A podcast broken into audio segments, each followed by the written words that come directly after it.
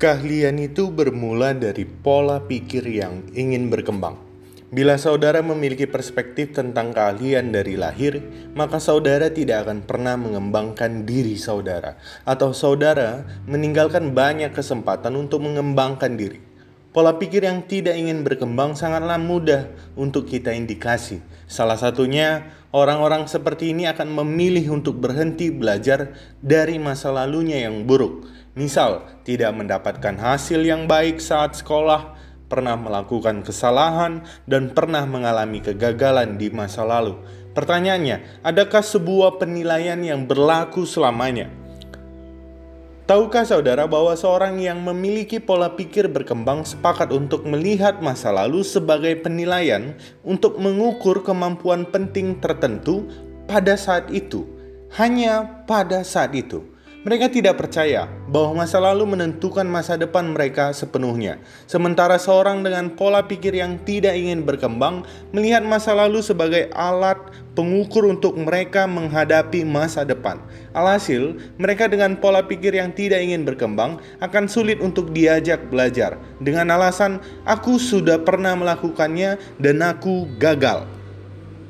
Indikasi yang kedua ketika diperhadapkan dengan mitos soal orang berbakat dan tidak berbakat. Sejatinya tidak ada orang yang mengingkari bahwa dalam kehidupan ini setiap orang memiliki bakat yang dikaruniakan Tuhan agar menjadi ahli dalam setiap bidangnya. Seperti halnya Bezalil dan Aholiab adalah orang-orang yang terampil menjalankan sebuah pekerjaan yang diberikan Bezalil dikaruniai keahlian, pengertian, dan pengetahuan dalam segala macam pekerjaan membuat perkakas dari emas, perak, dan tembaga. Hal ini dituliskan dalam Keluaran 31 ayat 3 sampai yang keempat. Demikian juga Allah menetapkan Aholiab untuk mendampingi pekerjaan Bezalil.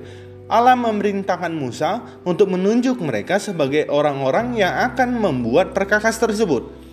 Seperti halnya Bezalil dan Aholiab, Mungkin di antara kita pernah menemukan seseorang yang memiliki bakat demikian ataupun kita adalah bagian dari orang-orang tersebut di mana masing-masing dari kita masih memiliki keahlian tertentu yang dapat dipakai untuk melakukan tugas-tugas khusus dalam bidang-bidang tertentu dalam gereja, dalam pekerjaan dan dalam hal sebagainya. Barangkali keahlian dalam bermain musik misalnya, mengajar, membuat karya seni, menulis, mengatur keuangan, dan sebagainya. Setiap keahlian yang diberikan Tuhan seharusnya dipakai untuk melayani Dia, baik itu dalam pekerjaan, baik itu dalam pelayanan, baik itu dalam berumah tangga sekalipun sesuai peranan yang dia sediakan bagi setiap kita. Namun, bila bakat menjadi sebuah alasan untuk kita tidak mengembangkan diri kepada keahlian yang baru, maka itu adalah kekeliruan atau itu justru menunjukkan kita sebagai diri seorang dengan pola pikir yang tidak mau berkembang. Sadarkah saudara bahwa habit is power?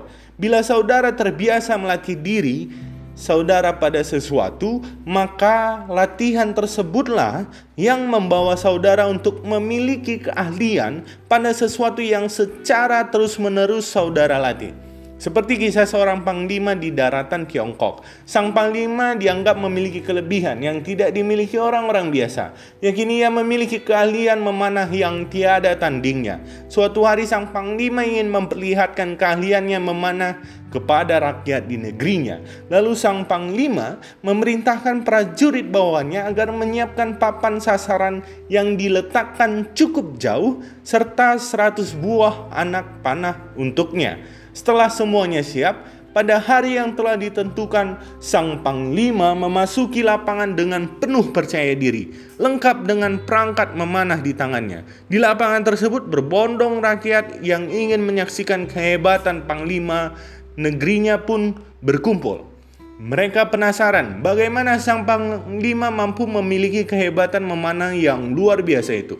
Panglima pun menarik busur dan melepas satu persatu anak panah itu ke arah sasaran. Rakyat bersorak-sorai menyaksikan kehebatan anak panah yang melesat. Sungguh luar biasa. Seratus kali anak panah dilepas, seratus anak panah tepat mengenai sasaran. Meski beberapa kali angin menerpa, Panah dari sang panglima seperti memiliki mata, hingga tak ada satupun anak panah yang meleset dari sasaran tersebut. Dengan wajah berseri-seri penuh kebanggaan, panglima berucap, "Saat ini keahlian memanahku tidak ada tandingannya. Bagaimana pendapat kalian?" Berbagai kata pujian pun diucapkan oleh banyak orang yang menyaksikan. Mereka sangat bangga memiliki panglima yang sangat hebat dalam memanah. Namun di antara sekian banyak yang memuji, tiba-tiba ada seorang tua penjual minyak yang mengucapkan kata-kata yang membuat sang panglima dan banyak orang sesaat terdiam. Panglima memang hebat katanya, tetapi itu hanya keahlian yang didapat dari kebiasaan yang terlatih. Sontak Panglima dan seluruh yang hadir memandang dengan tercengang dan bertanya-tanya, apa maksud perkataan orang tua penjual minyak itu? Sungguh berani si penjual minyak yang orang biasa itu berkata demikian. Namun sebelum semuanya menjadi heboh, si tukang minyak berkata kembali, "Tunggu sebentar." Sambil beranjak dari tempatnya, dia mengambil sebuah uang koin Tiongkok kuno yang berlubang di tengahnya. Koin itu diletakkan di atas mulut botol Gucci minyak yang kosong. Dengan penuh keyakinan, si penjual minyak mengambil gayung penuh berisi minyak. Ia pun kemudian menuangkan minyak tersebut dari atas melalui lubang kecil di tengah koin tadi sampai botol Gucci terisi penuh. Meski lubangnya cukup kecil, minyak yang dituang sang penjual ada setetes pun yang mengenai permukaan koin tersebut. Semua tepat masuk ke dalam guci dari lubang koin itu. Panglima dan rakyat pun tercengang melihat keahlian dari si penjual minyak. Mereka pun bersorak-sorai menyaksikan demonstrasi keahlian si penjual minyak.